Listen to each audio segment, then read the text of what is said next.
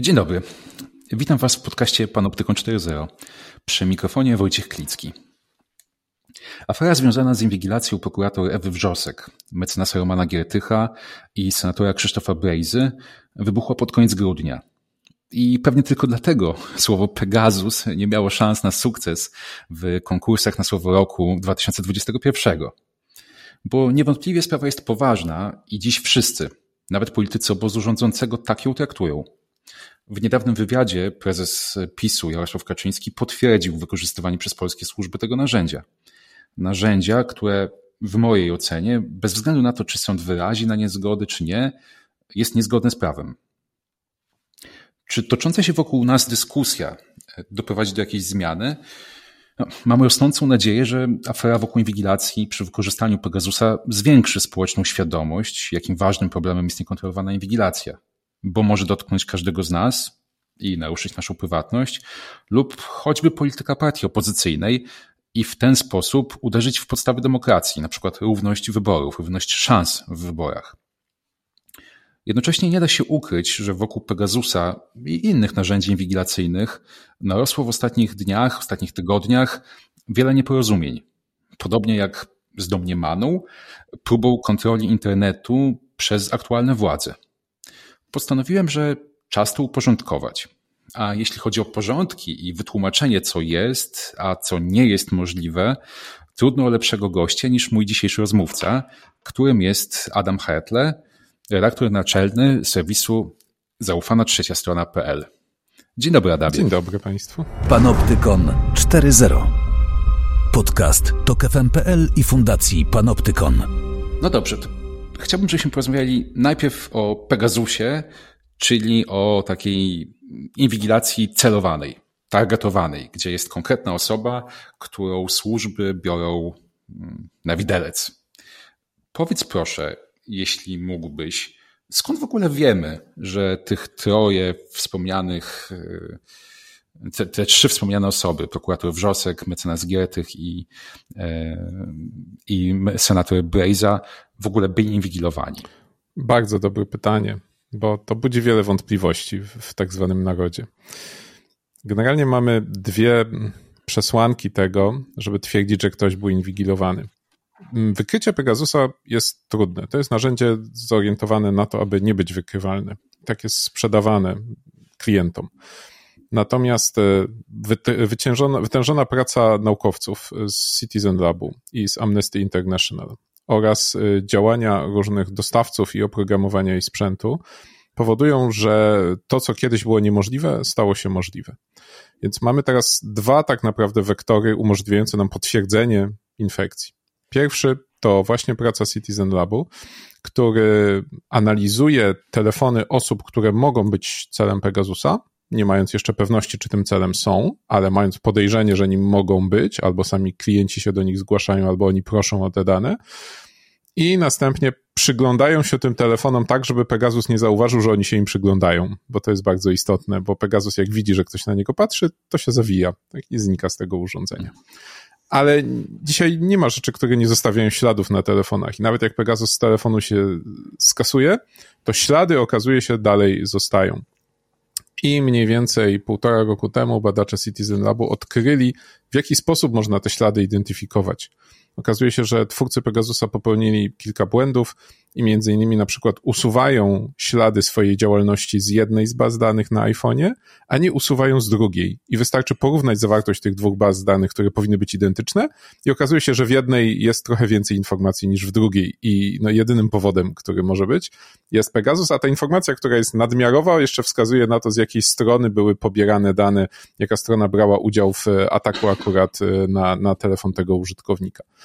Na tej podstawie diagnozuje się, czy można szukać dalej na danym telefonie i wtedy można jeszcze szukać dodatkowych śladów, które też udało się zidentyfikować. Natomiast no, żeby do, przeprowadzić taką analizę, no to trzeba mieć odpowiednie narzędzia, trzeba mieć odpowiednią wiedzę, albo przynajmniej to na tym wstępnym etapie jakieś programy, które umożliwiają taką z grubszą analizę, plus trzeba udostępnić badaczom kopię bezpieczeństwa swojego telefonu. Tak? Czyli trzeba zgrać wszystkie dane z telefonu i ten plikiem w bezpieczny sposób udostępnić. Nie trzeba fizycznie przekazywać telefonu.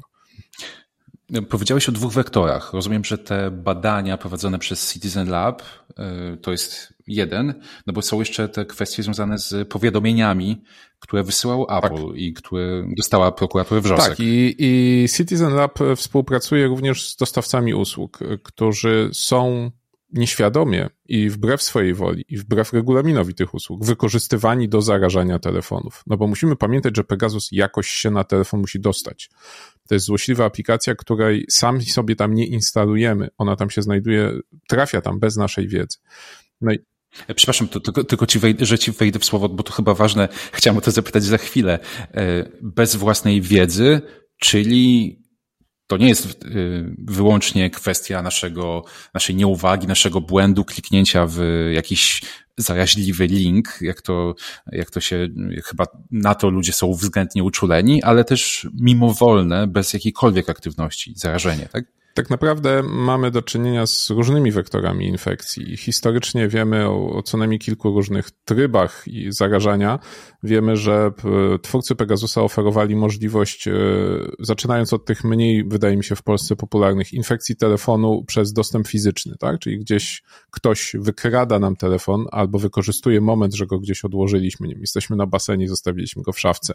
Czy wchodzimy do jakiegoś budynku, gdzie nie wolno wchodzić z telefonem i zostawiamy go w odpowiedniej skrytce na port i wtedy z dostępem fizycznym można faktycznie też Pegasusa wgrać. Druga opcja to jest opcja również wymagająca kontaktu fizycznego, ale już nie tak bliskiego, czyli opcja przez przechwycenie ruchu telefonii komórkowej przez fałszywą stację bazową, tak zwaną jaskółkę w polskim języku czy, czy Stingraya, czyli płaszczkę w, w języku służb amerykańskich. E, to wymaga, aby e, operator służby z odpowiednią walizeczką udającą sieć komórkową podszedł w miarę blisko ofiary na dystans na 100 metrów i wtedy telefon ofiary zamiast łączyć się z normalnymi tymi masztami stacji komórkowej, łączy się z tą walizeczką, bo myśli, że to jest najbliższy mu maszt stacji bazowej, bo ma najsilniejszy sygnał. I wtedy przejmując tą transmisję komórkową też był taki moment, kiedy Pegasus oferował taką usługę, reklamował taką usługę, można zainfekować telefon. I tu mówimy o takich dwóch trybach, o których nie słyszeliśmy, żeby były używane w Polsce, ale one były technicznie dostępne. Natomiast w Polsce słyszeliśmy o, o dwóch e, kolejnych scenariuszach, czyli albo kliknięcie, albo bez kliknięcia, tak? Czyli dostarczenie zdalne Czyli mm, operator siedzi gdziekolwiek na świecie, ma dostęp do internetu, my siedzimy gdziekolwiek na świecie, mamy dostęp do internetu i nasz telefon jest zarażany. No i tu mamy te dwa warianty. Jeden wymagający kliknięcia w link, a drugi nie wymagający kliknięcia w link. Dlaczego są takie dwie opcje? Bo bardzo trudno jest zarazić telefon, szczególnie z aktualnym oprogramowaniem. Trzeba znaleźć w nim jakiś błąd, który spowoduje, że telefon wykona polecenie infekującego bez zgody e, osoby infekowanej. I czasem ten błąd znajduje się w komunikatorze internetowym, i wtedy na przykład dostajemy wiadomość iMessage i nie widzimy jej nawet na ekranie, bo ten błąd zostaje wykorzystany przez atakującego, zanim cokolwiek na naszym ekranie się pojawi, i gdzieś tam po prostu w tle, w trzewiach naszego telefonu dochodzi do przejęcia kontroli. A może być tak, że ten błąd jest w przeglądarce na telefonie. No i wtedy atakujący musi nas jakoś nakłonić, żebyśmy tą przeglądarkę uruchomili i weszli na konkretną stronę. No jak to zrobić? No najprościej, namawiając nas do kliknięcia w link. No i ty mówisz o, o jakiejś nieuwadze, tak, i że to jakiś tam element jest też odpowiedzialności po stronie ofiary przepraszam, czy nasi słuchacze nigdy nie kliknęli w żaden link? No, klikamy w linki, tak? I, no i teraz wyobrażamy sobie, że jest dziennikarz, który opisuje nadużycia, nie wiem, systemu opresyjnego w Arabii Saudyjskiej i on dostaje wiadomość od przypadkowego z jakiegoś e, człowieka, którym pisze, słuchaj, muszę zachować anonimowość, bo jestem członkiem reżimu, ale nie mogę patrzeć więcej na te nadużycia, kliknij w tego linka i tam czekają na ciebie dokumenty, które właśnie ukradłem z Rządowej Służby Bezpieczeństwa no to on klika. No, no, to jest normalne, że ludzie klikają w linki. Linki są do tego, żeby w nie klikać, więc ja nie, nie kładłbym tu odpowiedzialności na, na, na bagach klikającego. No, ataki są dobrze tak, przygotowane. Tak, masz rację, są dobrze przemyślane, więc mamy albo kliknięcie w link, tak, albo, albo bez tego kliknięcia sama ta wiadomość, zanim dotrze na ekran, już atakuje telefon. No i teraz mamy y, te nośniki tych wiadomości. I tutaj jest ważne właśnie, ponieważ mamy najczęściej ataki, te o których wiemy, były prowadzone za pomocą WhatsAppa należącego do Facebooka, czy też chyba dzisiaj do Meta, trzeba powiedzieć, albo za pomocą iMessage należącego do Apple'a. No i teraz zarówno Facebook wówczas, jak i dzisiaj Apple się trochę poirytowały, że ich narzędzia do komunikacji są niezgodnie z regulaminem użytkownika używane, no bo atakujący musi założyć konto tego WhatsAppa, musi założyć to konto iMessage, musi to powiązać z jakimś kontem mailowym, żeby być częścią tego ekosystemu i móc wysyłać komunikacje do innych użytkowników, do ofiar. I zarówno Facebook, jak i Apple zidentyfikowali ze, we współpracy z Citizen Labem, jak ta wiadomość wygląda, a następnie poinformowali osoby, które tę wiadomość dostały, że ją dostały, albo była do nich podjęta próba wysyłki takiej wiadomości. I taki komunikat od dostawcy usługi właśnie dostała prokurator Wrzosek. Mhm. No tak, to, to jest teraz już dla mnie przynajmniej bardziej jasne i też jasne jest dla mnie to, dlaczego, dlaczego jedni dostali tego, tą wiadomość, a inni, a inni nie i że brak tej wiadomości wcale nie oznacza, że ci nie było ofiarą Pegasusa. Użyłeś takiego sformułowania przed chwilą, że coś się zmienia w trzewiach telefonu. No i tutaj znowu odwołując się do tego przeciętnego bądź przeciętnej słuchaczki, pewnie nikt z, z nich, z nas, także ja, w tych trzewiach zbytnio nie grzebie. E, I zmierzam do pytania, na ile jest jakakolwiek szansa z perspektywy użytkownika, żeby cokolwiek podejrzewać że się stało ofiarą inwigilacji za pośrednictwem Pegasusa? Czy to zostawia ślady nie wiem, w zużyciu baterii, w przesle danych, w czymkolwiek innym? Jest to tak zrobione, żebyśmy tego nie widzieli. I paradoksalnie, jak komuś się wydaje, że jest podsłuchiwany, bo na przykład coś mu tam trzeszczy w słuchawce i słyszy jakieś głosy w innych rozmowach, to właśnie jest sygnał, że nie jest podsłuchiwany, bo jak jest podsłuchiwany, to to dzieje się tak, że on absolutnie niczego nie zauważył. To jest bardzo profesjonalnie robione. Czyli to nie jest tak, że tam jak słyszę szelesty, to znaczy, że w NSO, który jest producentem, albo w naszej służbie, która zainstalowała, ktoś nie wylała mu się kawa i, i na mój kabelek nie, niestety, coś niestety się tak stało. tak to nie działa. Zwykły człowiek nie, nie ma szansy tego, tak tego zauważenia, stwierdzenia. Jedyne co można było zauważyć, to w przypadku tych ataków wymagających kliknięcia, bo wtedy użytkownik musi zobaczyć tę wiadomość. No i teraz pytanie, na ile jesteśmy w stanie odróżnić te wiadomości z linkami, które dostajemy tak naprawdę, a tak, od tych fałszywych. Na ile jesteśmy podejrzliwi i na ile czujemy się byciem, by, by, czujemy się, że jesteśmy na, na celowniku służb i na ile po kliknięciu to, co nas tam czeka na drugim końcu tego linka, jest wiarygodne, żeby nas uspokoić, że to było prawdziwe. Więc e, jeżeli ktoś dostaje wiadomość, ktoś po pierwsze jest eksponowaną osobą, tak, pełni jakieś ważne role społeczne, polityczne i czuje nie tylko, że mm, jest to ryzyko, ale ono faktycznie tak no, wisi nad nim, tak, że, że no, spodziewa się, że może zostać zaatakowany tym Pegasusem i dostaje wiadomość od osoby, której nie zna. I ta wiadomość e, ma treść e, jakby dopasowaną do profilu odbiorcy. I czuje tą potrzebę kliknięcia w nią, bo jest bardzo do tego zachęcony i ta wiadomość tak naprawdę jest no taką, jaką bardzo by chciał dostać. Tak jak chociażby właśnie dziennikarz tropiący afery władzy dostaje informację, że tutaj jest materiał na kogoś no to ja bym się trzy razy zastanowił, czy kliknąć w tego linka, czy najpierw nie skontaktować się z kimś, kto ma kontakt do Citizen Labu albo Amnesty International, żeby w tego linka kliknął ktoś, kto może monitorować, co się tam pod spodem stanie, bo a nuż to będzie właśnie, właśnie w ten sposób dzięki takim podejrzliwym dziennikarzom i aktywistom udało się w ogóle namierzyć Pegasusa. Więc e, mhm. może, może będziecie kolejnym ogniwem do namierzenia jakiejś jego kolejnej iteracji. Tak, ale tutaj mówisz o sytuacji jakby w przód. Czyli sytuacji, w której dzisiaj czy jutro e, nasi słuchacze, ktoś z naszych słuchaczy miałby być ofiarą e, i co powinien wtedy zrobić. A drugą stroną, czy jakby uzupełnieniem tego pytania byłoby rozważenie, czy dzisiaj ktoś, kto podejrzewa, że wcześniej był e, przedmiotem inwigilacji, może zrobić coś innego niż e, zwrócić się do Citizen Lab. No bo dzisiaj jakby słyszymy o tym od choćby polityków opozycji, że teraz będą, będzie masowe wysyłanie telefonów, oczywiście w przenośni, no bo nikt nie będzie ich pakował w pudełka, tak podejrzewam. E, ale czy Citizen Lab jest jedynym adresem, który może nam tutaj pomóc w tej chwili? Więc nie mamy tutaj pewności, na ile jesteśmy w stanie zrobić to lokalnie sami własnymi siłami. Bo są narzędzia udostępnione między innymi przez Amnesty International, jest taki program MVT, który ma służyć właśnie do takiej prostej i lokalnej diagnostyki. E, pewne jego elementy zostały też zaimplementowane w takiej aplikacji iVerify, którą sobie można na iPhone'a pobrać i zainstalować. Kosztuje chyba 20 parę złotych, o ile pamiętam, e, która sprawdza między innymi, czy mamy aktualne oprogramowanie, czy mamy optymalne ustawienia bezpieczeństwa, ale oprócz tego sprawdza też, czy ten podstawowy, najprostszy do detekcji ślad Pegasusa na telefonie jest. Natomiast no, ja spodziewałbym się, że w momencie, gdy te narzędzia upubliczniono, a to było z miesiąc temu albo i więcej, to natychmiast, jeżeli gdzieś był Pegasus, to on dostał aktualizację, która sprawiła, że te ślady możliwe do wykrycia domowymi metodami zostały już usunięte. Nie mamy tej pewności, czy tak było. Może nie było. Może te ślady dalej tam są.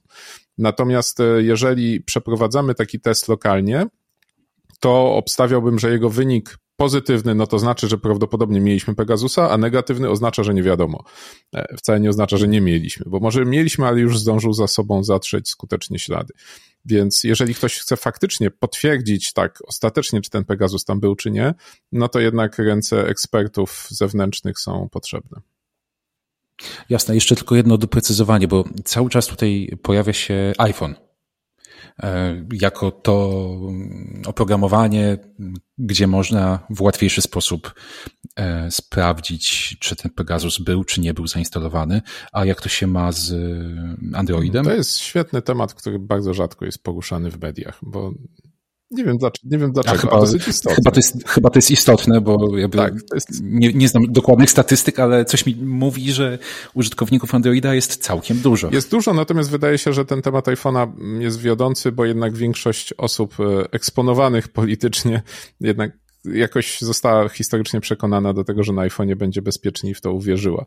Ale to już chyba od, od paru lat nie, niekoniecznie musi być prawdą, jak widać. Mm, z Androidem i Pegasusem jest problem, bo nie wiemy do końca. Wiemy, że w okolicy roku 2016-2017 na pewno była wersja Pegasusa na Androida. Zarówno producent ją oferował, jak i niezależni eksperci ją znaleźli. Nazwała się wtedy Chrysalis e, dla, dla odróżnienia od Pegasusa.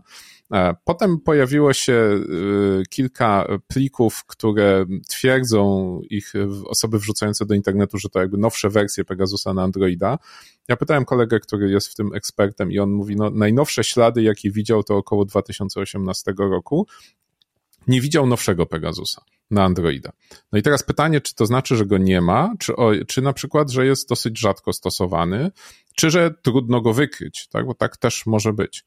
I, I, faktycznie wydaje się, że to może być jakieś połączenie tych trzech elementów, albo że jest rzadko stosowany, albo że jest jeszcze trudniej wykrywalny niż ten na iPhone'a. I z, generalnie z e, Pegasusem na iPhone'a jest o tyle prosto, że jest jeden Pegasus na wszystkie iPhony, bo iPhony mają ten sam system operacyjny i zrobienie jednego ataku na iPhone'a pozwala zaatakować miliard klientów Apple'a.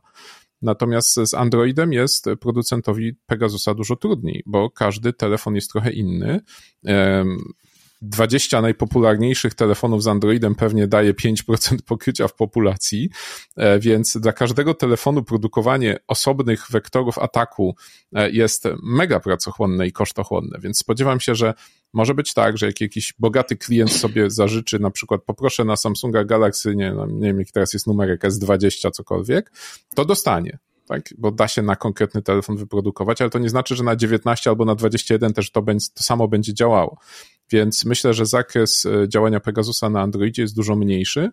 I też jeszcze odpowiadając na spodziewane Twoje przyszłe pytanie, jeżeli ktoś chce, żeby się nie dało jego telefonu zainfekować w łatwy sposób Pegasusem, to polecam jakiegoś nietypowego Androida, tylko nie za starego, bo te stare też się da jakoś tam hakować. W miarę nowego, ale mało popularnego. To jest taki kierunek, który bym przyjął, żeby mm, utrudnić trochę działanie mm, atakującym.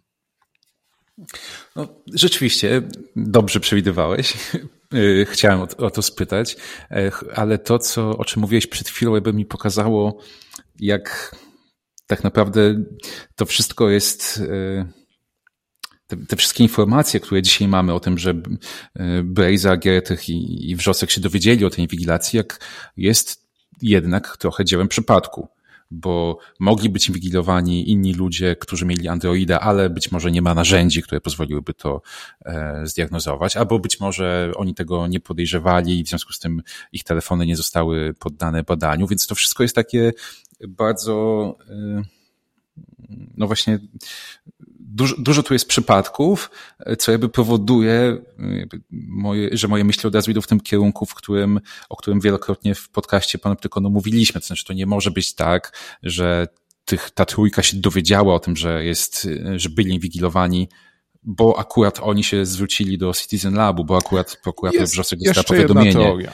Ja nie, nie mam pewności, czy, czy, czy tak było, ale e, może Państwo pamiętacie, dwa, trzy miesiące temu była taka mowa o liście 50 tysięcy numerów, które były celem działania Pegasusa. Tak, to jakby jakaś koalicja gazet tak, pisała, tak, prawda? We ktoś, współpracy z Amnesty. Ktoś wyciągnął z jednego z systemów wspierających proces infekcji Pegasusa taką listę numerów, które były odpytywane przez operatorów. Więc proces infekcji Pegasusa wygląda tak, że w pierwszym kroku jest weryfikacja, czy ten telefon jest w tej chwili w sieci i czy przez przypadek nie znajduje się na terytorium Izraela albo Stanów Zjednoczonych, albo innego z krajów, na których Pegasus nie chce działać. E, więc e, to pytanie odbywa się za pomocą takiego interfejsu do sieci komórkowej, tak? Tak jak e, na przykład jesteśmy w roamingu i, i nasz telefon musi jakoś zostać odnaleziony. Skąd nasz operator wie, że jesteśmy akurat nie wiem, na Dominikanie? No bo nasz telefon się zgłasza w tej sieci i, nasz te, i, i gdy przychodzi do nas połączenie, to gdzieś w tej sieci chodzą takie zapytania, halo, halo, gdzie jesteś w telefonie? Jesteś w Polsce? O, nie macie w Polsce, to gdzie jesteś? I wtedy ten telefon odpowiada, halo, jestem na Dominikanie i takie pytanie jeszcze nie powoduje, że coś dzwoni na naszym telefonie, tak? To jest na razie takie jakby zgłoszenie, raportowanie do sieci. I jakiś nieuczciwy operator może udostępnić twórcy Pegasusa, czy jakiejkolwiek firmie z nim współpracującej, dostęp do takich informacji. Czyli można zlokalizować telefon, zanim on zacznie dzwonić. I właśnie takie lokalizacja plus weryfikacja, czy telefon jest w tej chwili w sieci, czyli czy jest sens go w ogóle atakować, tak? Jest sens wysyłać tych, tych zwiadowców na ten telefon, czyli czy on jest online. E, to jest e, jakaś usługa po prostu, gdzie ktoś wpisuje numer i w odpowiedzi dostaje status, tak, telefon jest w kraju takim i takim, jest w tej chwili online, czyli można atakować. Albo dostaje odpowiedź, nie można atakować. I najwyraźniej te zapytania gdzieś wyciekły. Kto się wykradł, kto się wyniósł, nie wiemy, ale ta lista tych 50 tysięcy numerów, które były pytane, czy da się je zaatakować Pegasusem, wyciekła i trafiła w ręce konsorcjum dziennikarzy. No i teraz e, pytanie, czy przez przypadek te numerów telefonów e, senatora, Gierty, senatora Brejzy i mecenasa Giertycha nie było na tej liście, bo ci dziennikarze, wiedząc, że to ich numery, mogli do nich po cichu zagadać, a następnie poprosić o kopię telefonów i przekazać je do analizy. Więc e, nie jestem do końca przekonany, czy to była inicjatywa ze strony samych poszkodowanych, czy ze strony dziennikarzy, bo tak na, na osi czasu to wygląda, że, że mogło to być również tak, że oni po prostu dostali sygnał, że, że ich telefony mogły być zainfekowane i postanowili e, pozwolić je sprawdzić. Mhm. No, tak, i, i, dobrze się stało, że, że, że, że, że tak zrobili. Myślę, że teraz, jakby mając jakby zarysowany jakby mechanizm infekowania telefonów, jakby chyba dobrze byłoby, gdybyśmy chwilę porozmawiali o tym, no, co się dzieje, kiedy ten telefon w końcu jest już zainfekowany. No bo tutaj też to jest ten moment, w którym być może y, trzeba tą sprawę jakoś rozjaśnić. Y, wokół Pegasusa mówi się dużo jako o podsłuchu, chociaż ja jestem głęboko przekonany, że słowo podsłuch jest no, niewystarczające, żeby opisać jakby spektrum możliwości, jakie, z jakich korzysta, czy jakie daje Pegasus, ale zakłada, załóżmy, zakładając na chwilę, że Pegasus jest narzędziem, które pozwala na wszystko, jeżeli chodzi o przejęcie kontroli, to zaraz powiesz mi, czy, czy mam prawdę, czy nie. Powiedz mi, czy pozwala nie tylko na obserwowanie tego, co jest na telefonie, na jakie strony wchodzę, ale czy też pozwala na podejmowanie czynności na telefonie w zakresie mm, włączania czegoś, ale też, nie wiem, robienia przelewów na koncie. Odpowiedź na to pytanie będzie trochę dłuższa niż jedno zdanie. Gdy. Śmiało, mamy gdy, czas. Gdy operator Pegasusa uzyskuje dostęp do telefonu, to uzyskuje nad nim kontrolę, taką na jaką pozwala aplikacja. I teraz myślę, że musimy oddzielić dwa światy. Jedno to możliwości techniczne, czyli co by mógł, gdyby chciał, a drugie możliwości faktyczne, czyli na co mu pozwala aplikacja. Bo aplikacja pozwala na jakiś określony zestaw rzeczy, które są do wyklikania na stronie. Czyli on tam ma pewnie zakładki, tak? Historia lokalizacji, historia czatów, pobieranie plików, pobieranie zdjęć, włączanie mikrofonu, włączanie kamery. Tak? To nie jest tak, że on tam sobie może zrobić co chce. On może sobie zrobić to, na co mu program pozwala. Natomiast pod spodem technicznie istnieje możliwość zrobienia wszystkiego tego, co robi użytkownik i jeszcze trochę więcej. Więc może być tak, że jakiś operator ma wersję programu, która na przykład ma guzik dodaj pliki do telefonu, a może być tak, że standardowa wersja tego nie ma i raczej bym się spodziewał, że jeżeli producent e, stara się stworzyć wrażenie, że ten narzędzie jest do śledzenia terrorystów, a nie do nie wiem, kompromitowania przeciwników politycznych, to by tam raczej nie wrzucał tej funkcji dodaj plik do telefonu tak? Czy wyślij SMS-a jako ktoś, czy nie wiem, przelej pieniądze jako ktoś. Bo technicznie to wszystko jest możliwe. Technicznie w momencie, gdy Pegasus przejmuje kontrolę nad telefonem, ma te same uprawnienia, co my, a nawet więcej, bo mm, nie jest ograniczony tym, znowu tym interfejsem aplikacji telefonu. Czyli na przykład my nie możemy sobie zostawić telefonu w domu, a potem jakoś zdalnie sobie włączyć mikrofon i posłuchać, co mówią dookoła ludzie, a twórca Pegasusa może tak? bo jakby rozszerza te funkcje telefonu. Tak samo nie, my nie możemy sobie ustawić y, na, na, na swoim telefonie takiej funkcji wyślij mi alert, jak wejdę na dany obszar, a Pegasus wiemy, że taką funkcję ma. Tak, może sobie operator ustawić, daj mi znać, jak ten telefon zjawi się w okolicy tego budynku, albo daj mi znać, jak ten telefon spotka się z tamtym telefonem. Tak więc. No to bardzo, to bardzo praktyczne, bo pozwala śledzić tylko wtedy, czy słuchać tylko wtedy, kiedy dojdzie tak, do czegoś tak, tak ważnego. Tak, to, to jakby jest, jest obliczony na, na wygodę operatora, ale przez to, że to jest wygoda operatora, to nie wymaga od niego żadnych umiejętności, no bo jakby ten operator musi tylko klikać, tak, to nie przekracza przeglądania strony www, tylko po prostu treści na tej stronie są ciekawsze. E, natomiast to też ogranicza operatora do tego, co mu aplikacja daje. I zakładam, chciałbym wierzyć, że ta aplikacja daje te funkcje mm, proste, tak? czyli bez możliwości modyfikacji danych na telefonie, bez możliwości podszywania się pod użytkownika tego telefonu ale technicznie... No tak, tak, takie podrzucenie czegoś to jest bardzo poważna tak, sprawa. technicznie to się da zrobić. Tak samo jak technicznie da się na przykład, wiemy, że Pegasus umożliwia pobranie dowolnego pliku z telefonu. Tak ulotka przynajmniej reklamowa mówi. I teraz tym dowolnym plikiem może być zdjęcie, tym dowolnym plikiem może być dokument z maila, ale tym dowolnym plikiem mogą być też ciasteczka na przykład Facebooka. No i teraz, jeżeli ktoś pobierze z telefonu, z przeglądarki telefonu ciasteczka Facebooka, czy z, z aplikacji Facebooka na telefonie, to będzie w stanie odtworzyć tą sesję Facebooka na swoim komputerze. I będzie od razu bez podawania loginu i hasła, nawet bez podawania dwuskładnikowego uwierzytelnienia, jeżeli ktoś tak swoje konto chroni, będzie w stanie być nami na Facebooku. Tak, tak samo, nie wiem, w banku, czy, czy w Gmailu, czy w Dropboxie, czy w LinkedInie, może ukraść te ciasteczka i pod nas się idealnie podszyć, po odtwarzając tą sesję naszą z telefonu, tylko że obok na komputerze czy na innym telefonie. Więc e, te techniczne możliwości są. Pytanie, czy one są wykorzystywane. Mówiłeś o tym, że każda aplikacja, każde narzędzie zostawia, zostawia ślad i teraz wyrażając tą samą nadzieję co ty, że to jest hipotetyczne rozważanie, zadaję sobie takie, chciałbym tobie zadać takie pytanie, bo sam na nie nie znam odpowiedzi. Wyobraź sobie sprawę karną i tu już nawet nie chodzi o polity sprawy polityczne, tylko niech tych, jakiegoś te, tego terrorysty, któremu, którego miano, który miał być ścigany za pośrednictwem Pegasusa, gdzie dowodem są materiały, które znajdowały się u niego na telefonie. I czy teraz jakikolwiek sąd, który ma na tej, który ten dowód y, rozpatruje, ma szansę zweryfikować to, czy ten dowód jest y, no, wart uwzględnienia, czy on rzeczywiście y, był tam na tym telefonie, czy nie został przypadkiem podrzucony? To zależy od jakości obrony i umiejętności biegłego powołanego do oceny wagi tych dowodów.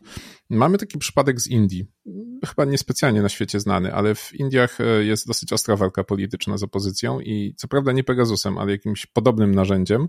Faktycznie rzekomo wgrano pliki na telefony paru zatrzymanych opozycjonistów i ci opozycjoniści dzięki międzynarodowym fundacjom, które wspierają ich działalność, e, udało im się powołać na, na biegłych zewnętrznych ekspertów, którzy wykazali, że te pliki tam się pojawiły w zupełnie innym czasie niż sugerowałaby to ich treść i w zupełnie innym trybie niż sugerowałaby to ich treść. Nie zostały utworzone na tym komputerze czy telefonie, gdzie, gdzie zostały odnalezione, tylko z niejacka spadły tam z nieba któregoś dnia. I to jeszcze wszystkie w tym samym momencie.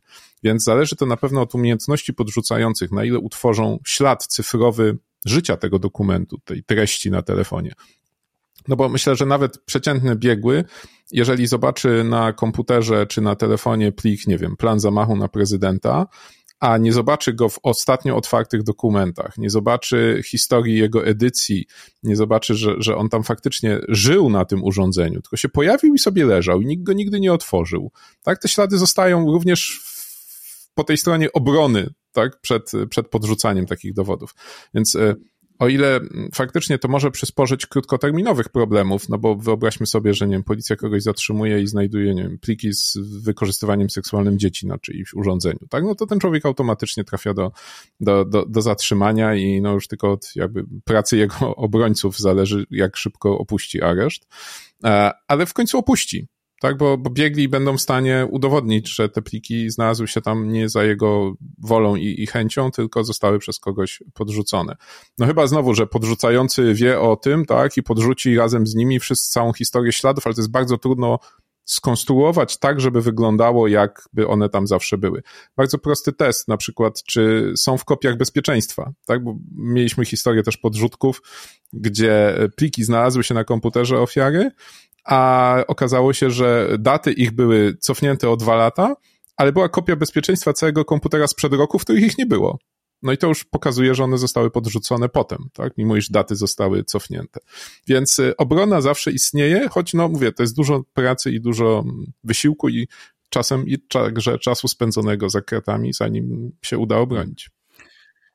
Myślę, że też mam takie poczucie, że jak tego słucham, to ciężar dowodu tej niewidności wtedy by spoczywał na, e, na podejrzanym czy oskarżonym, co jest Niestety, tak to działa. Strasznie, strasznie trudne i też nie każdy może sobie pozwolić na, na tak e, zniuansowaną i spe, wyspecjalizowaną obronę. I przyznam, że takimi możliwościami jestem przerażony w tym sensie, że, że, mam, że od razu mi się nasuwa takie pytanie, yy, być może idealistyczne, ale pytanie o to, czy w ogóle chcemy, yy, nie wiem, jako społeczeństwo, jako, jako wiem, państwa, yy, żeby istniały, żeby były, żeby funkcjonowały narzędzia, które nie tyle służą tej upraszczając, totalnej inwigilacji, jak Pegasus, ale właśnie mają tą funkcję dodawania no bo to już jest y, coś tak jak narysowałeś przed chwilą, co no, pozwala z każdego zrobić no, terrorystę albo kogoś równie złego. Ja nie widziałem interfejsu Pegasusa oprócz tych ulotek, które gdzieś krążą po internecie, ale w tych, które były i w raportach, które są, nie, nie ma informacji o tym, że ta funkcja tam jest zaimplementowana. Więc zakładam, że jej tam nie ma. No mówię, jeżeli oni chcieli sprzedawać organom ścigania no to trudno by im się było wytłumaczyć z takiego guzika, tak, pod tytułem podrzuć dowody, tak, to w większości systemów prawnych raczej nie, nie powinno mieć miejsca. E, raczej. E, więc e, zakładam, że Pegasus takiej funkcji nie ma. Natomiast e, ciężko jest e, zrealizować takie narzędzie bez, e, mm, bez możliwości technicznych, tak? Bo jeżeli mamy możliwość techniczną pobrania dowolnego pliku, no to będziemy mieli też możliwość techniczną i, i, umieszczenia dowolnego pliku, tak? One idą w parze. To tak jakbyśmy chcieli, no nie wiem, żeby daną ulicą mogły jeździć tylko samochody o określonym numerze rejestracyjnym, tak? No dopóki tam nie postawimy policjanta, który będzie tego pilnował, no to, to, to nie wyegzekwujemy tego. Więc e, myślę, że tutaj na, na warstwie potrzeby posiadania takich narzędzi jak Pegasus, uważam, że większość państw potrzebuje, bo ja też wierzę głęboko, że Pegasus jest używany również do ścigania przestępczości i to takiej poważnej. A czy tylko do tego? No widzimy, że chyba nie, również w Polsce chyba nie, ale jednak do ścigania przestępców jest używany. E, chciałem też zwrócić uwagę, że publiczna dyskusja o nadużyciach Pegasusa jest e, skrzywiona, bo to, co widzimy, to są tylko przypadki nadużyć, no bo e, odpowiedzialni dziennikarze, gdy mają listę, nie wiem, 50 numerów osób zainfekowanych Pegasusem w Polsce, sprawdzają te numery i wychodzi im na przykład, że 30 to łapownicy, a 10 to zabójcy, a 5 to politycy. I te 5 trafia do mediów, no bo nie będą ostrzegać prawdziwych przestępców o tym, że są podsłuchiwani i to jest bardzo odpowiedzialne stanowisko i trzeba się tylko cieszyć, że, że mamy odpowiedzialnych dziennikarzy. Więc zakładam, że część tych y, rzeczy, do których Pegasus jest naprawdę używany, nie trafia do mediów i my mamy taki obraz, że to jest tylko narzędzie do, do nadużyć. A to nie jest tylko narzędzie do nadużyć, to jest narzędzie też do ścigania przestępców i do pewnie do tego też jest stosowane. Ale posiadanie takiego narzędzia bez żadnej kontroli zewnętrznej, tworzy pokusę. I jak widzimy, ta pokusa jest skuteczna, bo kogoś pokusiło. I zainfekował trochę no tak. więcej telefonów niż tylko przestępców. To jest, to jest brak, brak tego policjanta, o którym mówiłeś przed chwilą na tej ulicy. Tak? I w związku z tym jakby mogą jeździć wszyscy, ci, którzy tam powinni być i ci, którzy, których tam być nie powinno. No a o, o tym, że tego policjanta, czyli zewnętrznej kontroli nad, nad stosowaniem narzędzi inwigilacyjnych w Polsce, też w tym podcaście rozmawialiśmy, między innymi kilka tygodni temu z sędzią Gąciarkiem, który jako sędzia sprawuje tę kontrolę i z posłami Adamem Szłapką i Wiesławem Szczepańskim, którzy jako politycy w odpowiednich komisjach tę kontrolę powinni sprawować, i oni niestety tę tezę, że brak, brakuje silnej zewnętrznej kontroli, potwierdzili. Natomiast troszkę zostawiając na boku Pegaza, jeszcze chciałbym Cię spytać, e, Pegasusa, przepraszam, o jedną rzecz. E, z wiadomych przyczyn jakby rozmowa koncentruje się, i nie tylko nasza, ale w ogóle debata publiczna na tym konkretnym oprogramowaniu. Ale wiemy, jak rozumiem, że Pegasus to jest tylko jedno z wielu narzędzi, które jest dostępne na rynku. Y, w sumie rozumiem, że jego mm, czarna sława wynika tak naprawdę z tego, że w Citizen Lab y, udało się zdiagnozować ślady, natomiast jakby może być Pegasus BIS, może być mm, wiele, wiele innych narzędzi, które będą miały to samo, albo i więcej, tylko że o nich nikt y, nic nie mówi. Na razie wiemy publicznie o dwóch jeszcze. Wiemy o produktach firmy Candiro, które atakują nie tylko urządzenia komórkowe, ale także komputery, pecety. E, I one były ujawnione gdzieś koło 2019 roku przez badaczy Kasperskiego. I wiemy o nowym narzędziu zwanym Predator, ujawnionym znowu przez Citizen Lab e, całkiem niedawno. Ale tak jak wspomniałeś, to są tylko te, o których wiemy. Przede wszystkim pamiętajmy jeszcze, że jest wiele krajów, które ani Candiro, ani Pegasusa, ani Predatora nie kupują, bo mają swoje, bo mają takie kompetencje, że piszą swoje. E, Chiny, Rosja, Stany, Izrael, Francja czy, czy Niemcy nie, nie muszą kupować takich narzędzi, bo po prostu tworzą własne i o nich nigdy nie przeczytamy. Albo może kiedyś coś się zdarzy, że, że o nich przeczytamy jak czytaliśmy o narzędziach śledczych, szpiegowskich NSA, no to ekspertom bezpieczeństwa po prostu włosy na karku się podnosiły, bo okazuje się, że oni wchodzili gdzie chcieli, robili co chcieli, wychodzili, nikt ich przez naście lat nie zauważył. Więc pewnie robią to samo na komórkach, co, co robią na komputerach. Także mówimy tutaj bardziej o tym rynku dla tych e, już bogatych, ale jeszcze nierozwiniętych technicznie krajów, tak? Czyli tych klientów Pegasusa. Remote Control System. To już. Produkowany przez Hacking to już, To już jest historia. Tak, to, to była taka włoska firma, która upadła w międzyczasie, była trzy razy przejęta i dwa razy poddana rozbiorom, e, więc e, to, to, to jest narzędzie, którego chociażby też wcześniej korzystało CBA, zanim, e, zanim kupiło Pegasusa. Natomiast to było dosyć proste technicznie narzędzie, które wykorzystywało błędy, ale tylko na poziomie komputerów, nie, nie na poziomie telefonów. Mhm. Jasne, bo y, poruszyłem ten wątek dlatego, że media dzisiaj w Polsce, media sprzyjające władzy bardzo tak powiedzmy symetrystycznie y, pokazują, że y, taka nie, nielegalna czy daleko posunięta inwigilacja to była, to była wcześniej właśnie za pośrednictwem tego Remote Control System i tutaj, jeśli się nie mylę, popraw mnie, e, były dowody na to, że właśnie CBA wykorzystywało to, to narzędzie. Ono było prostsze, e, i pewnie tak samo jak i dzisiejszy Pegasus, bardzo kontrowersyjne pod kątem możliwości e, legalizacji jego używania przez zgodę wyrażoną przez sąd.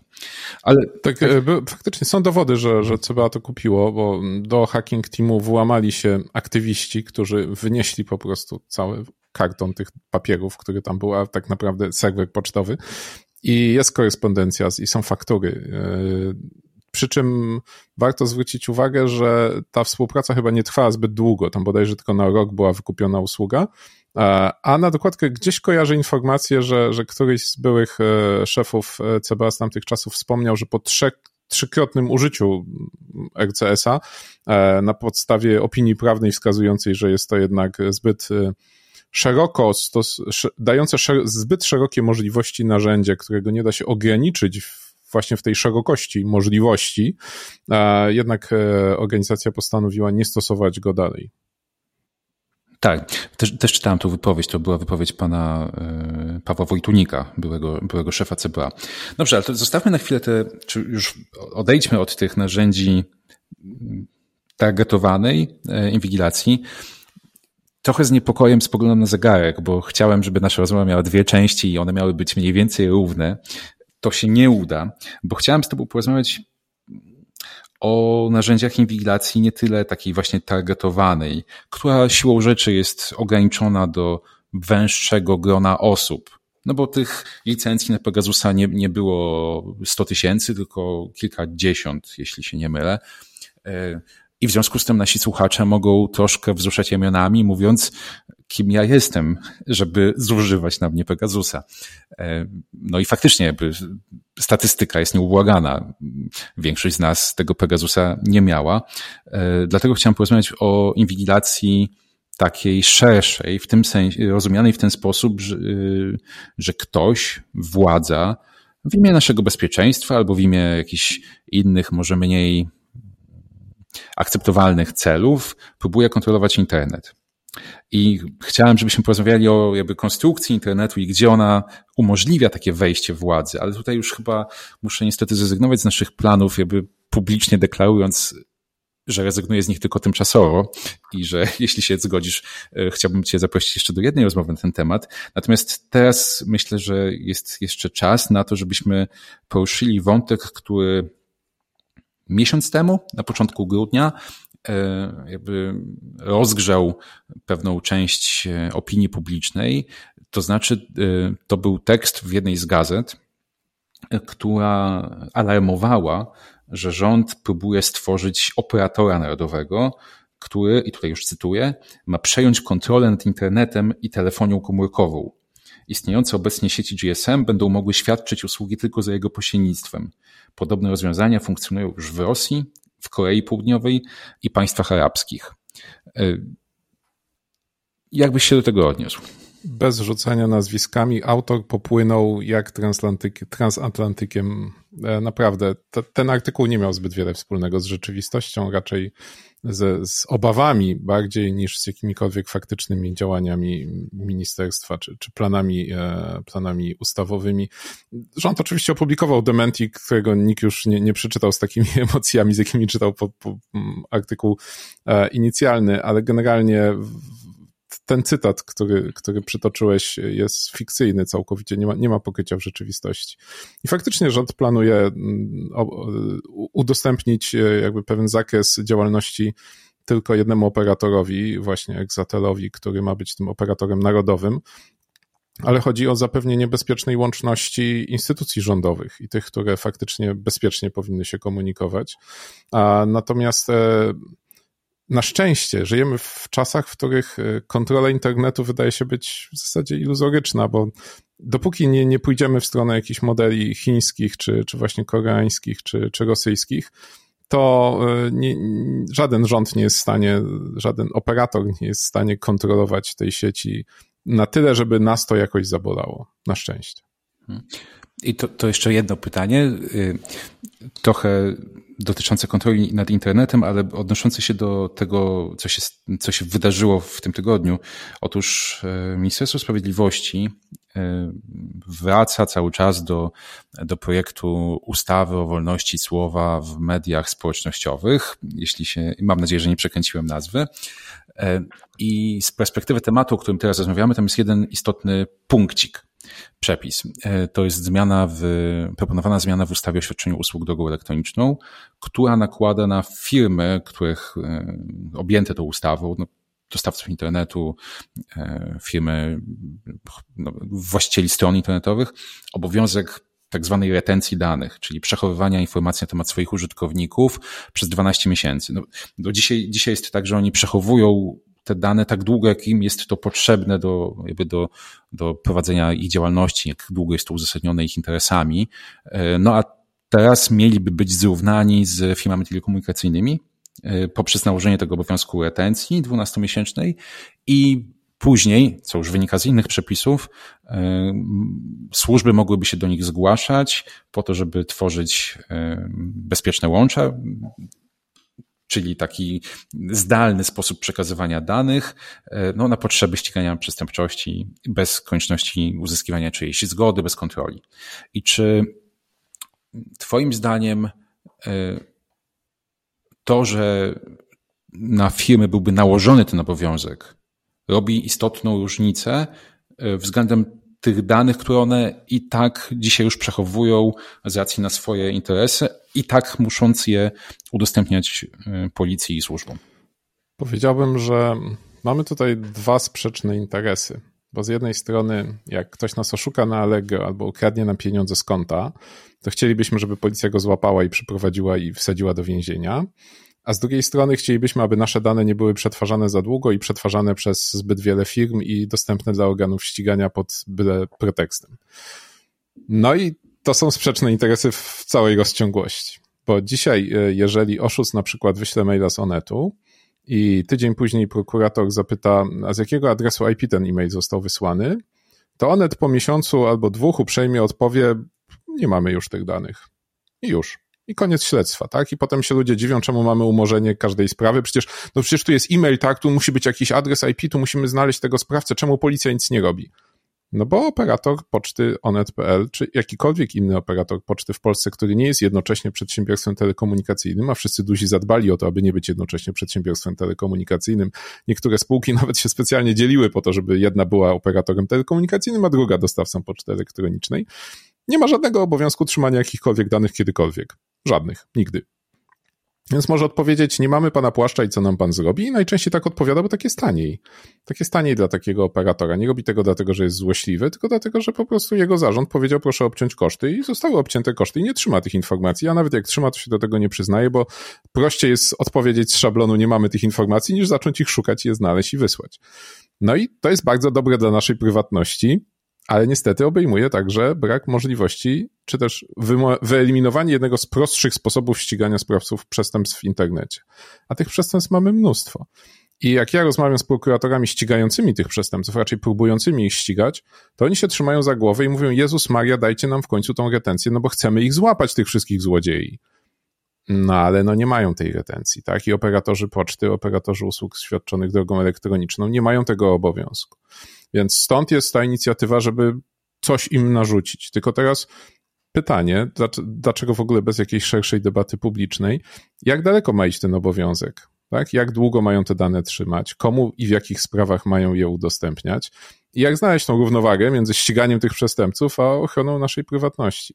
Czy 12 miesięcy to dobry czas? Może tak, może nie. No, nie, nie, nie słyszałem o żadnej debacie na ten temat. Tak ktoś po prostu rzucił. No tak, w, w ogóle tutaj y, sprawa jest jeszcze bardziej taka y, pozbawiona debaty, bo ten, w tym projekcie pro, y, pomysł nałożenia obowiązku retencji jest uzasadniany nie tyle koniecznością skutecznej walki z przestępczością, co zapewnieniem skuteczności takiego nowego mechanizmu, jakim ma być ślepy pozew.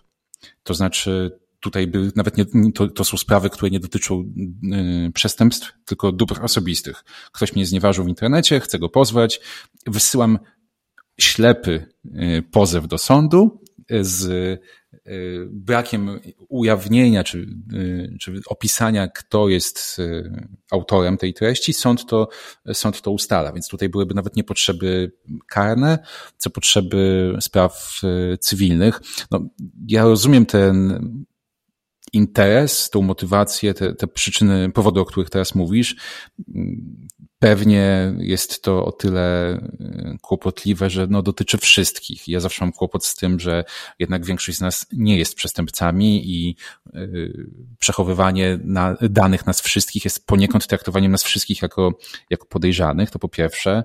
Po drugie, no, gdyby nad uzyskiwaniem tych danych była jakaś realna kontrola, no to byłbym spokojniejszy. A teraz nie jestem spokojny. A po trzecie, y, ten przepis, czy ta propozycja, ona idzie jakby w, na czołowe zderzenie z propozycjami, które, e, nad którymi teraz pracuje Unia Europejska w akcie o usługach cyfrowych. Jest wprost zakaz nakładania na dostawców obowiązku takiej blankietowej, powszechnej retencji danych. Więc tutaj jakiś kompromis będzie musiał być e, wypracowany, bo dzisiaj, ta dzisiejsza propozycja moim zdaniem jest taka mm, no, zbyt daleko idąca. No ale to jest jakby cały duży temat.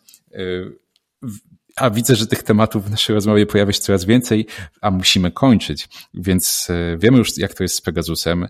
Na rozmowę na temat tego, w jaki sposób możliwa jest kontrola internetu, jesteśmy wstępnie, mam nadzieję, umówieni. A tymczasem dziękuję Ci bardzo za rozmowę. Dziękuję bardzo. W podcaście gościłem dzisiaj Adama Hartle. Żegna się z Wami Wojciech Klicki. No i do usłyszenia w kolejnym odcinku podcastu Panoptykon 4.0. Technologie i człowiek. Człowiek i technologie. Gdzie na tym styku czekają na nas zagrożenia? Jak korzystać z technologii, by na nich skorzystać? Jak kontrolować, kto gromadzi o nas informacje i do czego ich używa? Z ekspertami i praktykami rozmawia Wojciech Klicki. Panoptykon 4.0 Podcast TokFM.pl i Fundacji Panoptykon.